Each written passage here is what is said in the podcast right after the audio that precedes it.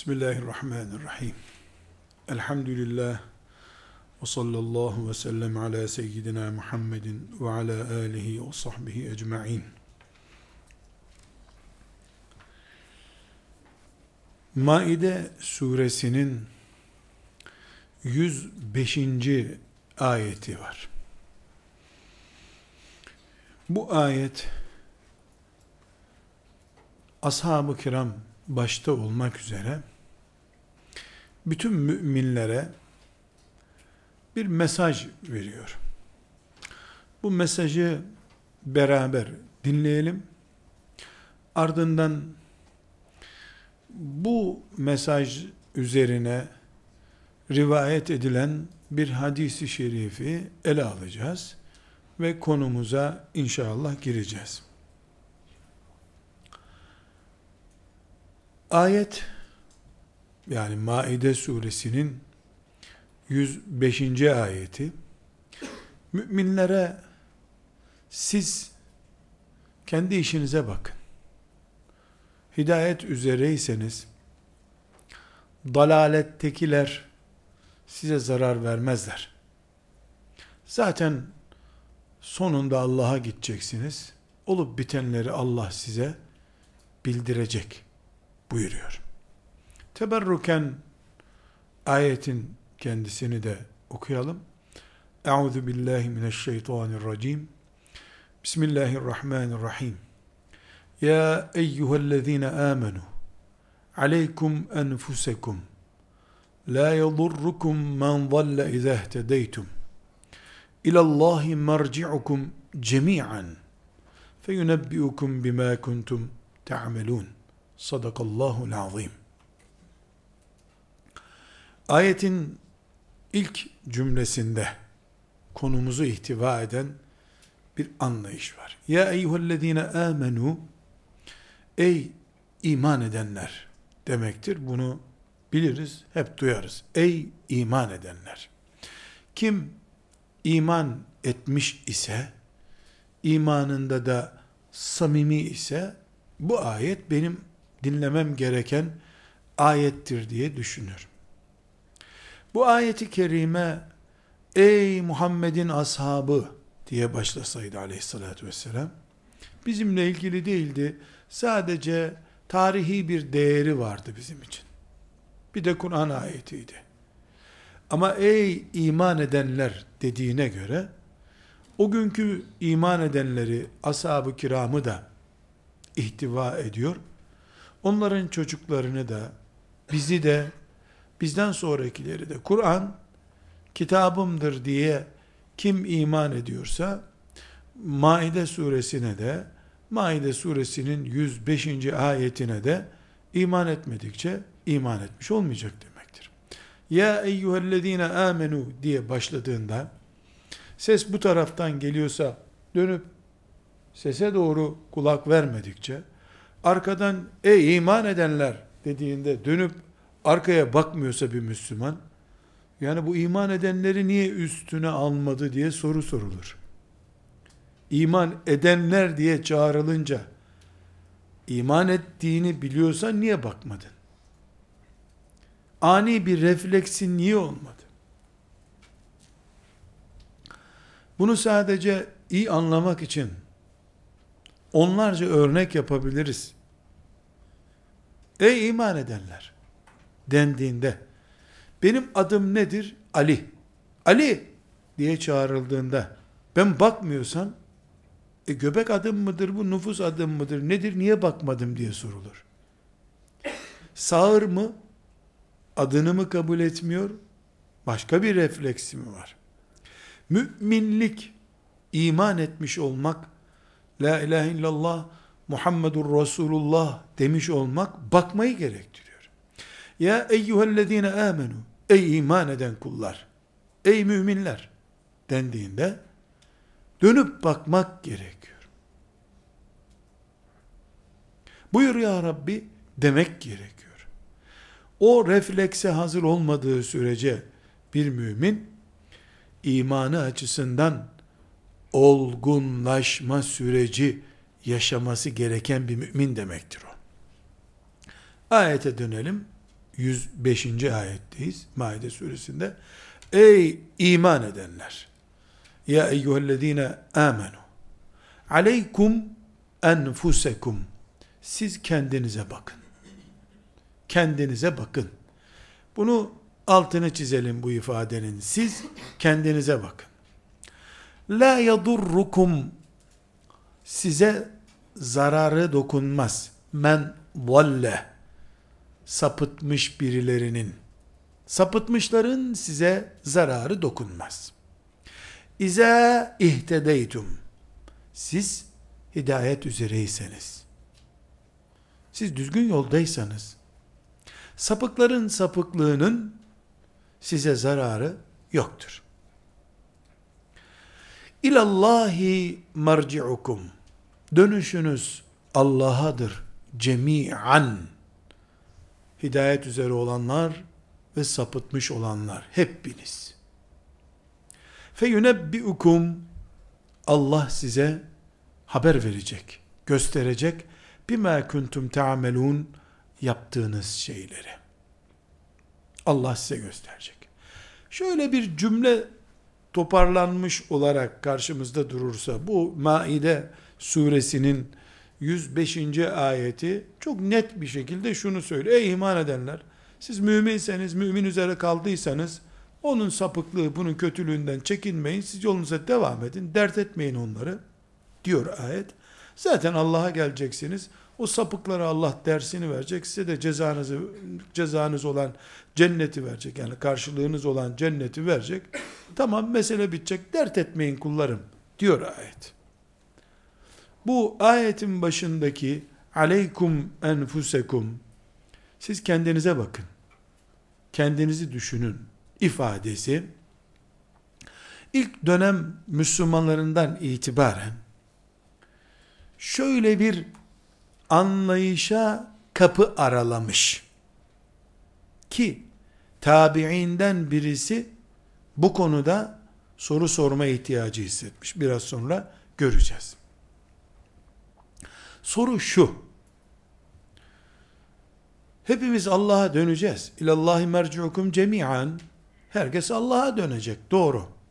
Ama biz Allah'a dönmeden önce dalalette olanlar, alkolünden, zinasından, ilhadından, zulmüne kadar binbir mel'anet iş görenler ve iman edip secde edenler, ibadet yapanlar, Allah'tan haşyet ile yaşayanlar, hep aynı dünyada yaşıyoruz.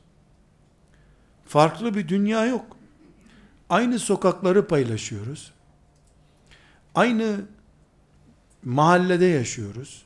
Hatta o muhtar oluyor, biz ihtiyar heyeti bile olamıyoruz. Bazen onun sözü geçiyor, bizim geçmiyor. Allah'ı, kitabını, peygamberinin sünnetini susturmaya teşebbüs edebiliyorlar. E bu ayet, Kur'an'dan bir ayet. Ayette herhangi bir acaba Kur'an'ın ayeti mi diye bir şüphe söz konusu değil. Aleykum enfusekum buyuruyor. Siz kendinize bakın. Siz kendinizi düşünün. Siz kendi işinizi görün. Anlamında ayet çok açık bir şekilde kurtar gemini diyor. Aynı Kur'an, aynı Kur'an cihadı emrediyor. Aynı Kur'an müminlerin birbirleriyle kardeş olduklarını, emri bil ma'ruf ve nehy anil münker yapmanın Müslümanlık gereği olduğunu söylüyor. Nehy anil münker ne demek? E, alkol kullanan, kumar oynayan birisinin elinden tutmak bunu yapma demektir. E bu ayet aleykum enfusekum siz kendi işinize bakın diyor.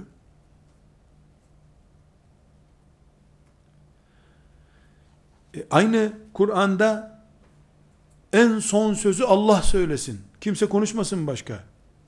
Yani son söz kelimetullahi hiyel ulya. En son söz, en üstün söz Allah'ın sözü olsun diye çırpının diyor.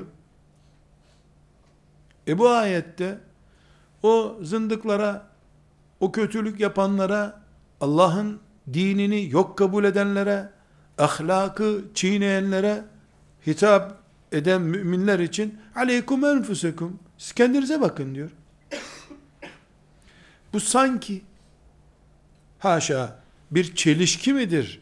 Kur'an ayetleri bütünlüğü içerisinde bir çelişki midir?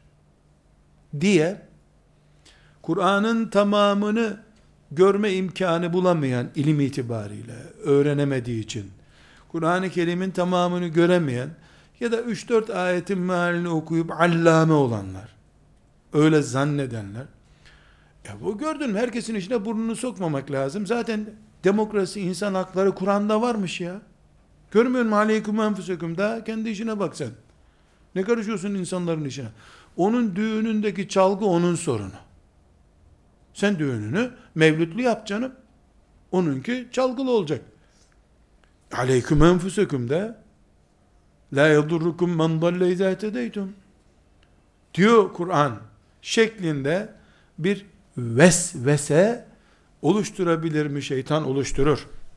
Onun uzmanlık alanı akla gelmeyen şeyleri akla getirmektir zaten. Fakat burada tabi bu anlayış ancak az görebilen, görme açısı çok küçük olanın düşeceği bir hatadır bu. Çünkü ayetin cümle olarak tamamında başka bir ifade var. Aleykum enfusekum la yadurrukum men dalle siz kendinize bakın dalalete düşen size bir zarar veremez. İza ihtedeytum siz hidayet üzereyseniz siz hidayet üzereyseniz diye bir şart var orada. Sen hidayet üzereysen doğru yoldaysan mümin karakterli isen kimliğin mümin kimliği ise onun gavurluğundan, fasıklığından sana bir zarar yoktur. İza ihtedeytum siz hidayet üzereyseniz diye bir şart var. Sen hidayet üzere değilsen onun gavurluğundan sana zarar var. Onun fasıklığından sen de zarar göreceksin. Ona ile lanet sana da isabet edecek. Sen hidayet üzereysen ne demek? Hidayet yani Allah'ın cennete sokacağı kıvamda olmak demek. Mümin karakterli, kimlikli yaşamak demek hidayet. Nedir insanın hidayet üzere olması? Kur'an gibi yaşaması demektir. Kur'an gibi yaşamak için Allahu Teala'nın emri bil maruf nehyanil münkeri yapın ayetine uymuş olmak lazım. Kur'an namaz kılın diyor. Namaz kılmayan birisi hidayet üzere orijinal bir mümin olabilir mi? Allah zina etmeyin diyor. Zina eden birisi hidayet üzere bir mümin olabilir mi? E, bu ayet siz hidayet üzere iseniz o kötülerin yaptığı kötülükten size bir zarar yok siz kendinizi kurtarın. Siz o kötülüğe bulaşmayın diye öğüt veriyor. Birileri bundan kimsenin kimseye karışmak yok. İnsan hakları var. O 12'ye kadar şarkı türküsünü söyler sen tepki gösteremezsin. 12'den sonra çevreye zarar verdiği için polisi arayabilirsin. Demiş olabilir. Öyle değil. Mümin 7 milyarın içinde bir kişi olur. Allah'ın şeriatına aykırı gördüğü bir işi ölünceye kadar tepkiyle karşılar. Haykırır. Elinden gelen her şeyi yapar. Müminliğin şartı budur. Bu elinden gelen zayıfladıkça Allah'ın sorumluluğu da onda azalır. Bir zaman sonra hiçbir şey yapamadığı zaman kalbinden buğz etmeye başlar. Bu Maide suresinin 105. ayeti bu şekildedir. Ebu Umeyye Eşşa'bani isimli zat tabiinden Ebu Sa'lebe el-Huşeni isimli sahabiye bir soru sormuş. Şimdi hadis-i şerife geçiyoruz. Bu hadisi şerif Ebu Davud'da 4341. hadisi şeriftir. İbn Mace'de de 4104. hadisi şeriftir. Hadisi şerif rivayet edilecek. Bu Ebu Umeyye Eba Se'alebe'ye soru sormuş. Sorusu şu. Diyor ki bu Maide suresinin 105. ayeti hakkında ne diyorsun sen diyor. Ne demek ne diyorsun? Yani o da zihninde bir tereddüt görmüş. Nedir bu tereddüt? Yani madem e, insanların ne yaptıkları önemli değil, ben bir tasavvufa da intisap etsem, bizim yorumlarımızda yorumluyorum, zikrimi de yapsam, mescide de gidip gelsem, ya millet yuvarlanmış gitmiş, ne edeyim ben milleti ya, ben mi kurtaracağım batmış gemiyi, ben mi yüzdüreceğim, desem, haklıymışım gibi bu ayet görünüyor. Sanki bu ayet, gemisini kurtaran kaptandır, yolcuları boş ver, diyen, bir mesaj veriyormuş gibi hissediyorum diyor. Onun açısından bir iman zafiyeti değil biiznillahü teala bu ama bu Efendimiz sallallahu aleyhi ve sellem'den çok kısa bir zaman sonraki bir insanın sorusu. Bu Ebu Sa'lebe radıyallahu anh da bizzat Peygamber aleyhisselama bunu sormuş. Demek ki bu ayeti kerime indiğinde de şeytan hemen operasyona başlamış. Gördün mü kimseye karışmaya sana adamın alkolünden. Deyivermiş şeytan demek ki. Ebu Sa'lebe radıyallahu anh da Resulullah sallallahu aleyhi ve selleme sormuş. Böyle geliyor aklımıza ya Resulullah demiş. Bu gösteriyor ki Kur'an-ı Kerim'in ayetleri üzerinden de şeytan insana vesvese verip ayetle sapıttırma projesi de uygulayabilir. Hidayet kaynağı olan ayet sapıttırma sebebi olabilir. Maazallah. Mümkündür bu. Şimdi Ebu Umeyye Eşşa'bani Ebu Sa'lebe'ye yahu bu Maide suresinin 105. ayeti hakkında ne diyorsun sen? Yani bir sahabi olarak kanaatin nedir? diye sormuş. O da ona diyor ki aynı şeyi ben de Resulullah sallallahu aleyhi ve selleme sordum. Bu nedir ya Resulallah dedim. O zaman biz insanların işlerine karışmayalım. Çünkü Allah siz kendinize bakın buyuruyor. E kendime bakmak, e ev çoluk çocuğumla evimde oturmak, namazımı kılmak, Ramazanda da fitremi vermek, cennete de girmek. Bu kadar özet bu. Böyle mi ya Resulallah diye sormuş.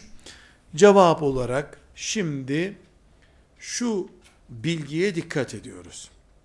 Efendimiz sallallahu aleyhi ve sellem bu Maide suresinin 105. ayeti. Siz kendinize bakın. Ayetini bakın nasıl yorumluyor? Sahabinin sorusuna hangi cevabı veriyor? Beli temiru bil ma'rufi ve tenahev anil munkeri. Hayır. Emri bil maruf yapın. Nehy anil münker de yapın. Hatta ta ki yani o insanlardan ben sorumlu değilim mi diye sordu. Resulullah sallallahu aleyhi ve sellem hayır. Emri bil maruf ve nehyanil münker yapacaksın. Bilmeyen çocuğa öğreteceksin. Yanlış yapan çocuğu engelleyeceksin. Komşun bilmiyorsa namazı öğreteceksin. Namaz kılmıyorsa kıl diyeceksin. Alkol kullanana bu Allah'ın haramıdır, senin sağlığına sakıncalıdır diyeceksin. Becerebiliyorsan elinden şişeyi alacaksın. Piyango bileti kullanana ne ediyorsun sen ya? Paranı niye harama veriyorsun? Haram bu. Helak olursun diyeceksin. Kenara çekilmek yok. Elhamdülillah ben bu pisliklere bulaşmadım diyemezsin. Bulaşan var oldukça diyemezsin. Çünkü izâ ihtedeytum hidayet üzere isen eğer sen kendine bakabilirsin ondan sonra. Hidayette olmanın şartı Allah adına çalışıyor olmaktır. İnsanların cehenneme girmesinden rahatsız olmaktır. Cennet ne kadar kalabalık olursa kendini o kadar mutlu hissetmendir. Aksi takdirde maazallah cehenneme giden insanların yanından sen onlara ait sorumluluğunu yerine getirmedikçe cennete gidivereceğini zanneden hata işlemiş olursun. Bu ayeti Ebu Sa'lebe radıyallahu anh Resulullah sallallahu aleyhi ve selleme sorduğunda hayır beli temiru bil ma'ruf ve tenahev anil munkar iyiliği emredeceksiniz. Hayra motor olacaksınız. Ve tenahev anil munkar kötülüğünde engelleyeni olacaksınız buyurmuş. Sonra da hadisi şerif devam ediyor. Bize ait bölümü şimdi geliyor. Hatta İzâ ra'eyte şuhhen muta'an herkesin teslim olduğu bir cimrilik ortaya çıkarsa ve heven muttaba'an insanların zevklerini ciddi bir şekilde ilke edindiklerini görürsen ve dünya mu'sera ahirete tercih edilmiş bir dünya oluşursa ve i'cabe kulli zi ra'yin ra'yehu herkesin kendi görüşünü beğendiği başkasının görüşünü beğenmediği bir durum söz konusu olursa ne saydı? Dört şey. Birincisi cimrilik. İkincisi arzuların peşinden gitmek, zevklerin peşinden gitmek. Üçüncüsü dünyayı tercih eden hayat anlayışı. Dördüncüsü herkesin kendi, kendi görüşünü beğendiği. Bu dört şeyi unutmayalım. Cimrilik, arzuya tapınmak, zevke tapınmak, dünyayı gaye edinmek, kendi görüşünü tek görüş kabul etmek. Bu dört şey ortaya çıkarsa o zaman fealeyke bi nefsik. Sen o zaman kendini kurtarmaya yönelebilirsin. O da'ankel avam o zaman söz dinlemeyen güruhu bırak. Sonra hadisi şerif devam ediyor. Ebu Sa'lebe'nin sorusuna Efendimiz sallallahu aleyhi ve sellem cevap verip buyuruyor ki inne min varaikum eyyâmes sabr sizin karşınıza sabır günleri çıkacak. Yani sabır gereken günler göreceksiniz. Sabru fihi o günlerde sabretmek mislu kabzin alel cemri elde ateş koru taşımak gibi olacak. Demiş sallallahu aleyhi ve sellem Efendimiz. Ne sormuştu? Hadisi tekrar yukarıdan alalım. Ayet bize siz kendinize bakın diyor. Bunu nasıl anlayalım ya Resulallah diye sormuş. Efendimiz sallallahu aleyhi ve sellem böyle bir şey olmaz. Emri bil maruf ne yani münkere devam edeceksiniz. Ama şu dört hastalık şahsiyet haline gelirse cimrilik ilahlaştırılırsa zevkler ilahlaştırılırsa dünya ilahlaştırılırsa herkes kendi görüşünü ilah edinirse, o zaman bu dünyada yaşamak, toplu olarak, cemaat olarak yaşamak mümkün değil. Sen kendi haline bak demiş sallallahu aleyhi ve sellem Efendimiz. Sonra da ilave buyurmuş, bu dört tehlikeli pozisyonu gündeme getirdikten sonra ama bilin ki sabır günleri diye günler gelecek. Sabır günleri. O gün sabretmek avucunda ateş koru taşımak gibi zor olacak. Bu ne demek ateş koru gibi ateş koru taşır gibi zor olması? Yani insan kazara işte halıyı yakmasın, yangın çıkmasın diye ateşi yerden avucuyla almak zorunda olsa parmaklarıyla alıp böyle bir e, nar tutar gibi, armut tutar gibi tutmaz onu herhalde. Alıp sıkmaz bir defa. Gevşek bir zeminde düştü düşecek, işte camı açıyor o arada da atacak o ateşi, yanan şeyi atacak gibi. Zoraki avucunda tutar ve ne kadar tutacağı da belli değil. Belki de düşürür onu. Çünkü halı yansın avucum yanmasın der. Demek ki Peygamber aleyhisselam Efendimiz müminlere dini yaşamalarının avuçta ateş koru tutmak kadar zor ve hemen atılacak durumda olacağı günlerden söz ediyor. Müslümanlar olarak biz İslam hayatımızı bu dünyadaki varlığımızı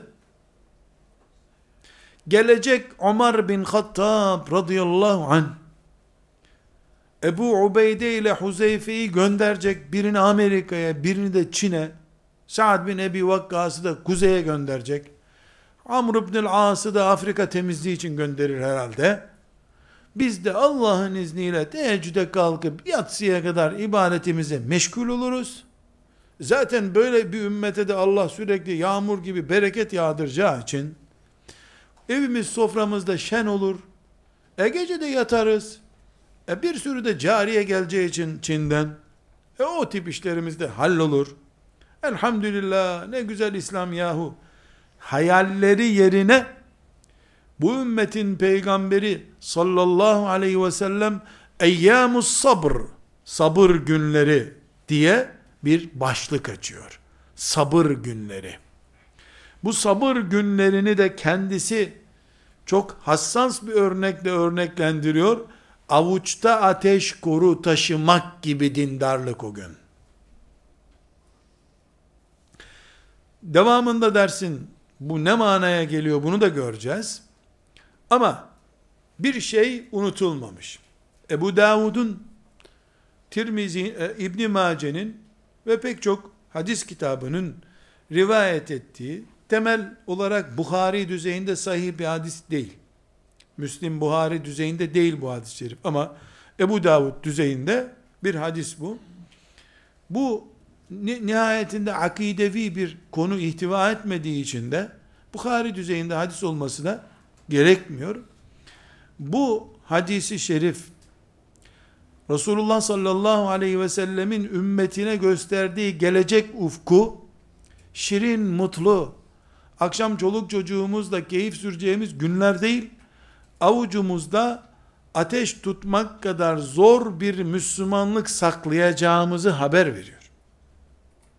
Ama bunun yanında aleyhissalatu vesselam Efendimiz badem böyle ya o gün Müslümanlığınızı saklarsınız ya da helak olur gidersiniz de buyurmuyor. Çok net anlaşılacak bir cümle kuruyorum arkadaşlar. Rahmeten lil alemin olarak geldiği için mutlak olarak adaletiyle hükmeden Allah'ın peygamberi olduğu için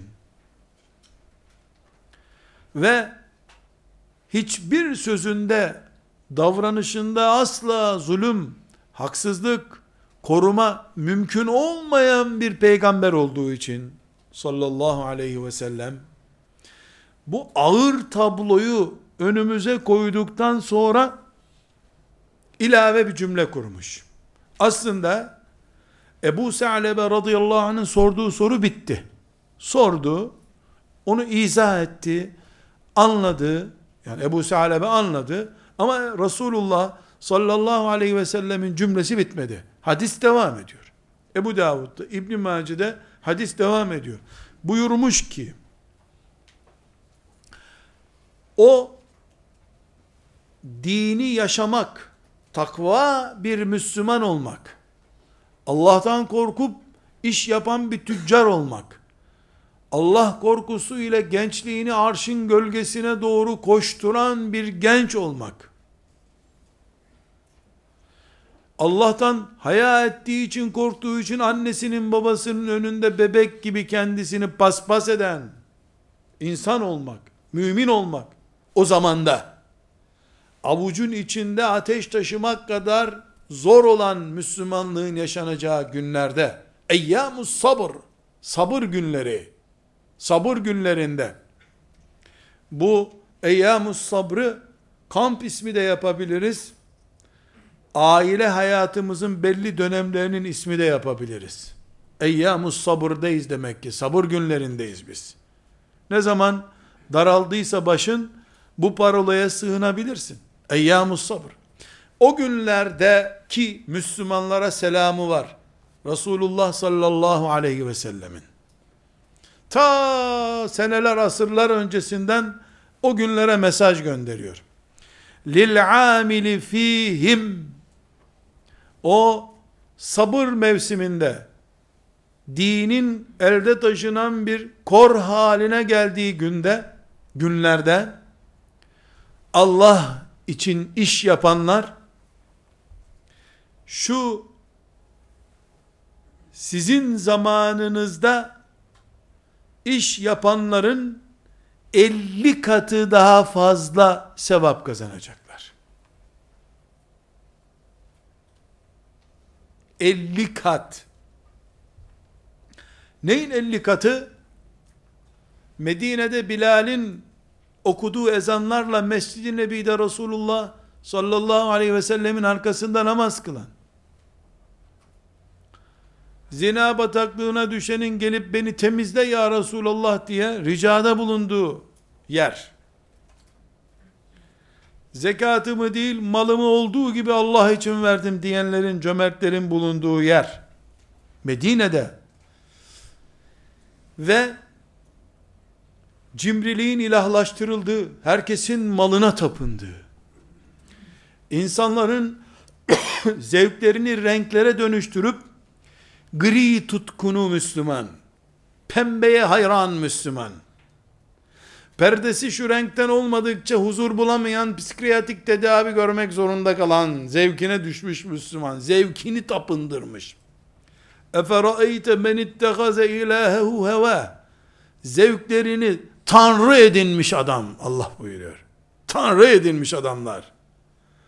Ve sanki biz ahiretten dünya için gelmişiz gibi.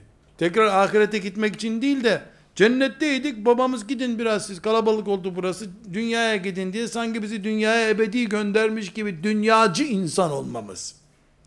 Bu dünyacılığımızın ilke haline geldiği ve anlasın anlamasın özel bir kanaat belirtiyorsa muhakkak o kanaat doğrudur diye düşünen herkesin fikirlerini putlaştırdığı mevsim.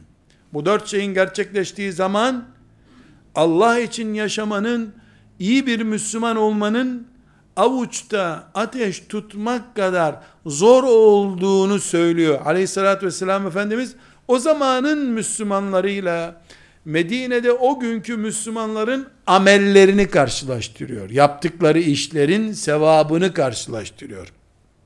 Ebu Bekir'le kimseyi karşılaştırmıyor. Ebu Bekir ve emsallerinin Allah onlardan razı olsun amellerine verilen sevapları karşılaştırıyor. Sonra ne buyuruyor? 50 katı o zaman buyuruyor. 50 katı. O gün bir, bugün elli değil. bugün bir, o gün elli. Yani bu ateş avuçta taşınır gibi Müslümanlığın zorlaştığı zamanda bir, o zamanda elli gibi kabul edilir buyuruyor. Bu 50 katlık oranlama çok açık bir şekilde gösteriyor ki Peygamber aleyhissalatu vesselam Efendimiz ümmetine cici vaatlerde bulunmamıştır. Tam aksine maraton ilerledikçe rampanın sertleşeceğini söylemiştir.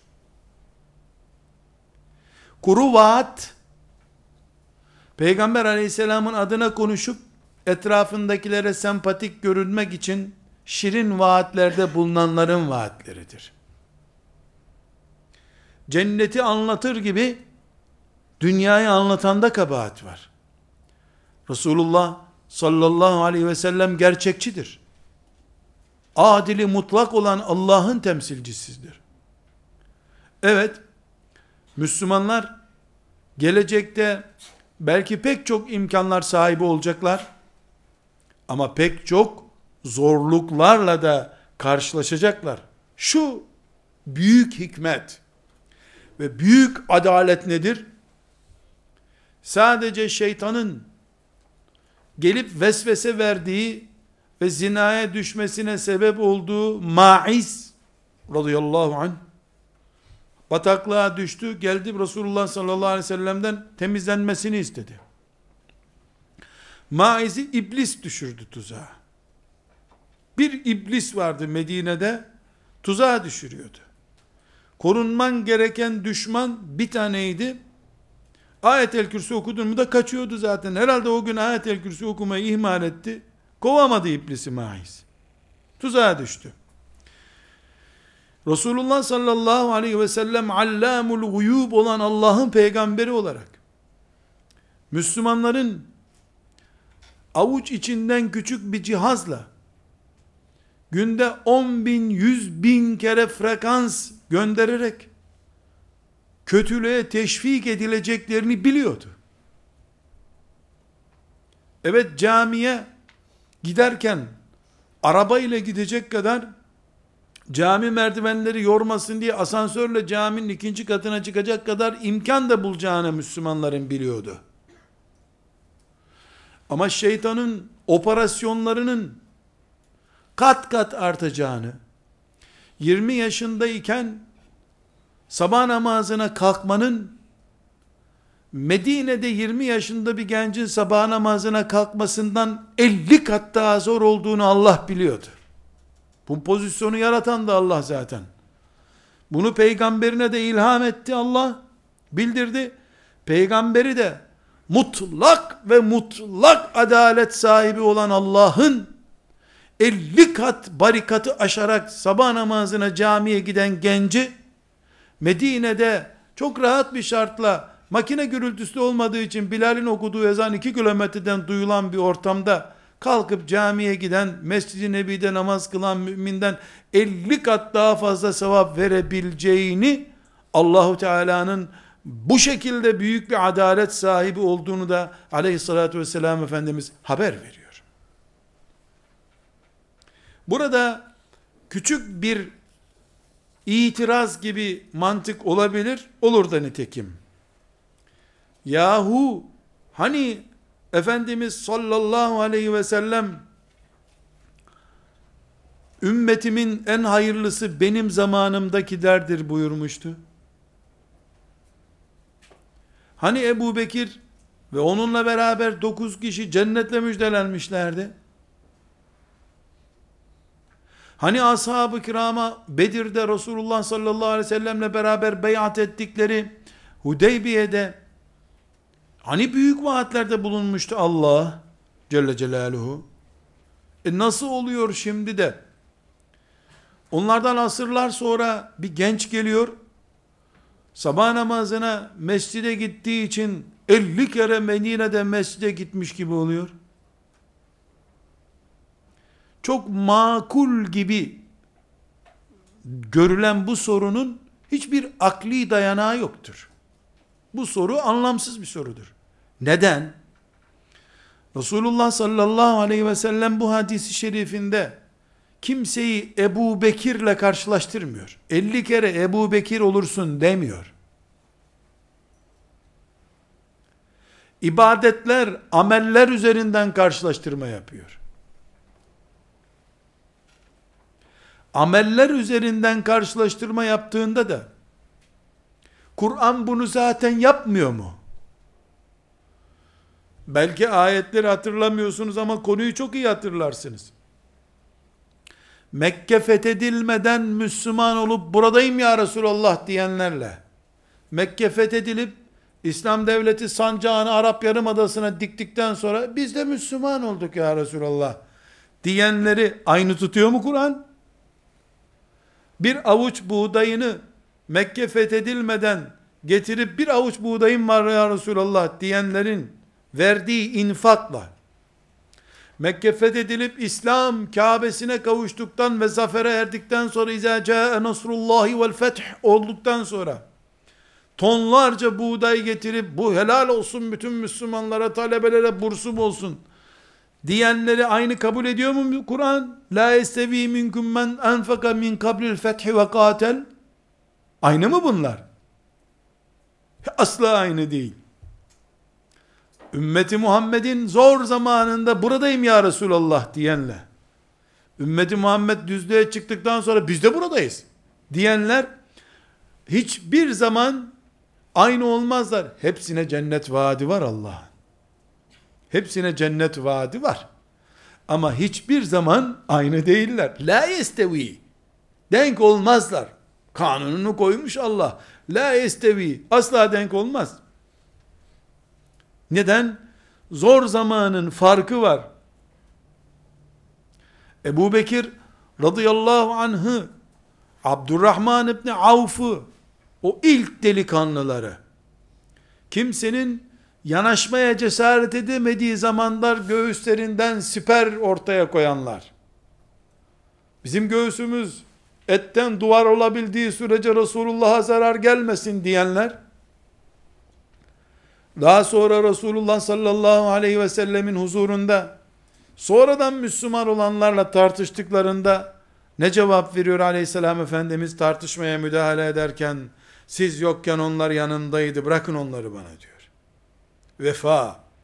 Bu vefa Allah'ın adaletinin gereğidir zaten.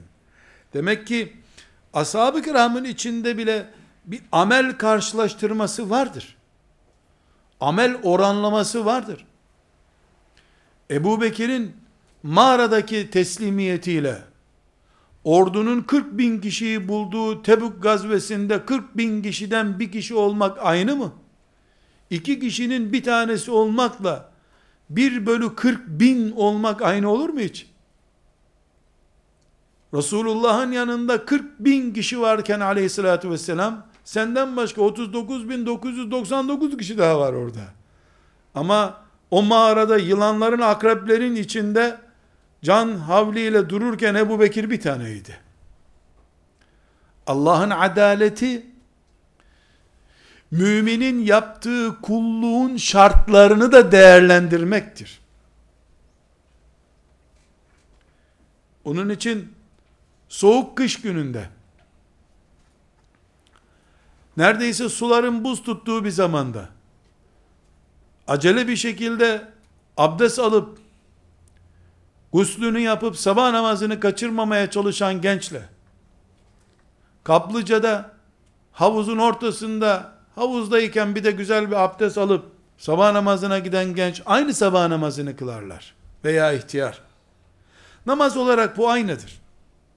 Hiçbir zaman Allah buz tutmak üzere olan su ile abdest alan kuluyla kaplıca havuzunda abdest alan kuluna aynı sevabı vermez. Nefes alıp verirken ki farkı da Allah hesap eder bir adaletin sahibidir. İşte bu örneklerden ki bunları onlarcasını çoğaltarak önümüzde tutabiliriz. Bu örneklerden yola çıktığımızda neden Allahu Teala'nın avuç içinde kor taşımak gibi dindar olmanın zor olacağı ve sabır günleri diye isimlendirilebilecek büyük bir sabır gerektiren günlerde Allahu Teala'nın kullarına o zamanki kullarına dilemeyiz biz bu pozisyonda olalım. Ama bu pozisyondaysak bu sevap bolluğunu dileriz. Neden? Çünkü bu günlerde olmak çok tehlikeli. Tamam avucunda tutabilirsen ateşi 50 sevap alıyorsun. 50 fark puan alıyorsun ama yani sabaha kadar tutmak çok zorun avucunda. Hadisi şerifi göreceğiz ki çok çetin bir süreç bu. Ancak Allah'ın yardım ettikleri bu süreci başarabiliyorlar. Ya da bunun için ömür çürütenler yani ben öleyim gideyim ama eyyamus sabır sabır diyarında ve sabır günlerinde şeytana mağlup olmayayım diye gayret edenleri sadece Allah koruyor.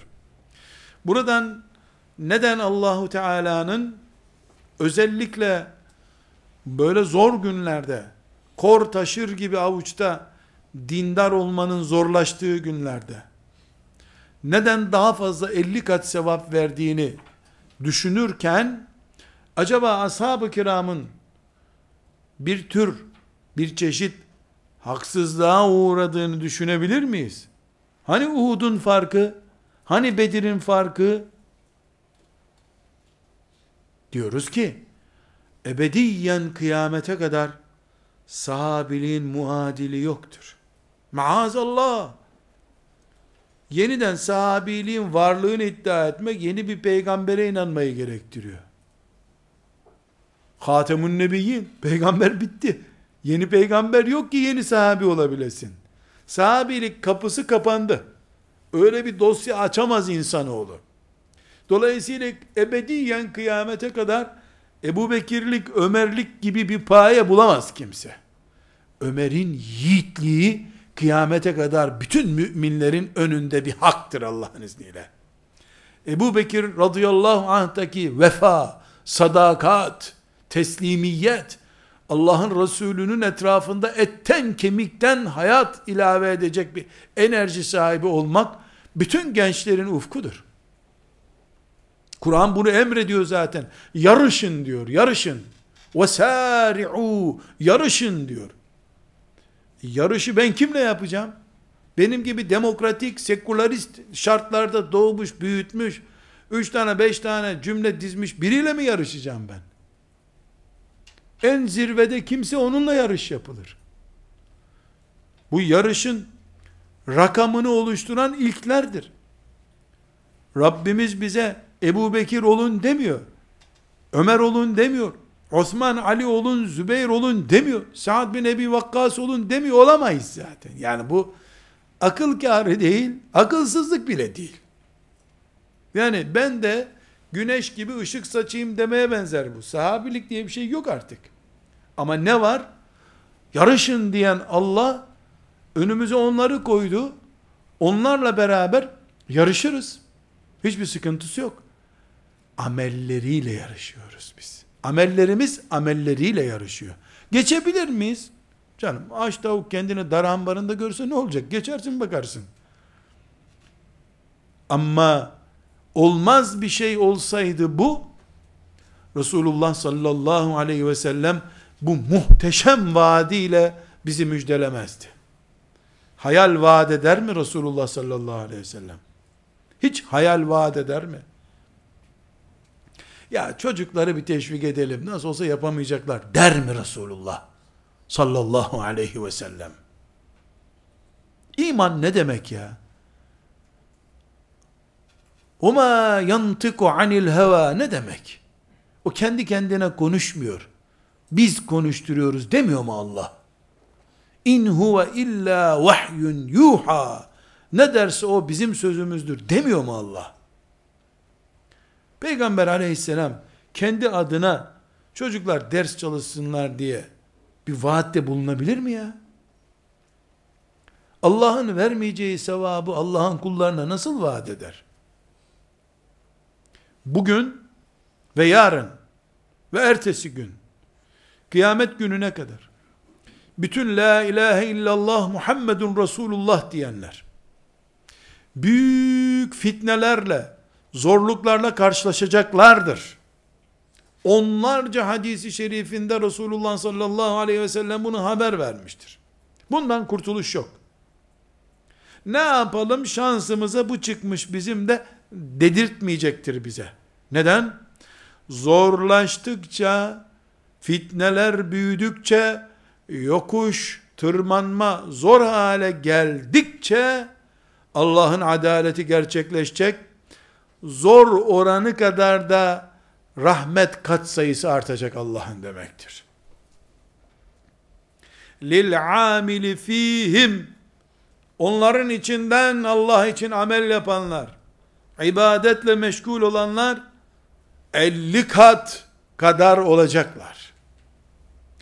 Evet, Ebu Bekir radıyallahu anh'ın dönemiyle, mesela Moğolların istila dönemi tarihimizin en acı dönemlerinden biridir. İspanyolların kan akıttığı Endülüs günleri en acı dönemlerimizden.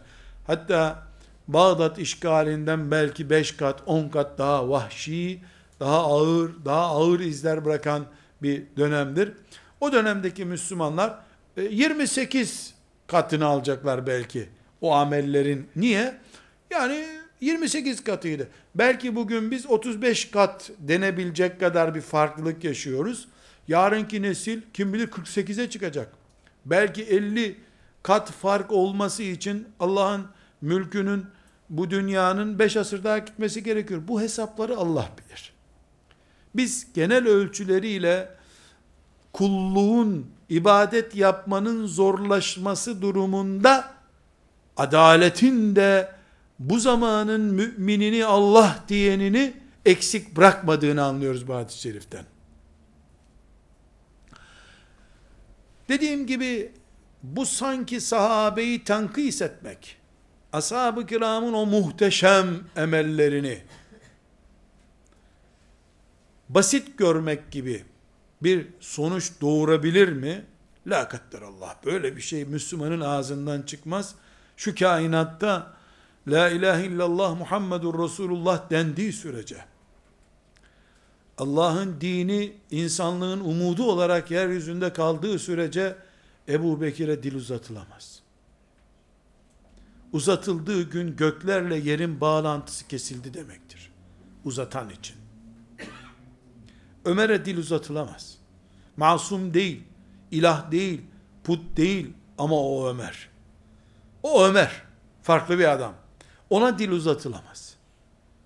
Masum olduğu için değil, Resulullah sallallahu aleyhi ve sellemin güzel hatırı için. Onun iki kızıyla evlenmiş biri olduğundan Zinnureyn Osman olduğu için Osman'a dil uzatılamaz. O dil uzanır uzanır da Resulullah sallallahu aleyhi ve selleme kadar uzanır da maazallah sırattan olduğu gibi cehenneme askılık gibi asar o dilin sahibini Allah. Ali'ye dil uzatılır da o uzanmış dilden Resulullah etkilenmez mi aleyhissalatü vesselam? Ashab-ı kiram tartışılır kimseler değil bizim için. Rablerine gitmiş, hesaplarını Allah görmüş kimselerdir onlar. Ama onlar hakkında hüsnü niyet, güzel duyguların doruk noktasında bir duygumuz vardır bizim.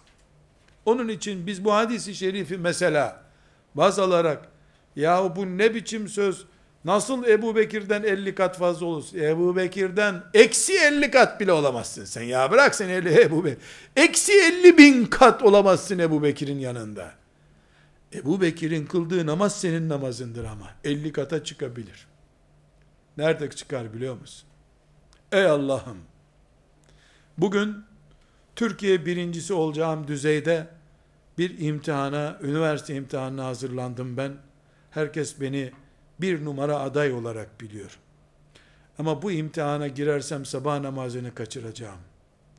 Bıraktım bu imtihanı Rabbim secdedeyim dedin. Kasemen billah 50 kattır bu Medine'deki bir namaza göre. 50 kattır işte. bireysel anlamda ibadetlerimiz önümüze çıkan engellere göre 50 kat olabilir. Bu bu demektir. Avucundaki korun büyüklüğüne göre mangal yakarken mangaldaki kömürdeki o köz de közdür. O da ateş közüdür. Ama kok kömürü sobada yanarken ki o köz de ateş közüdür.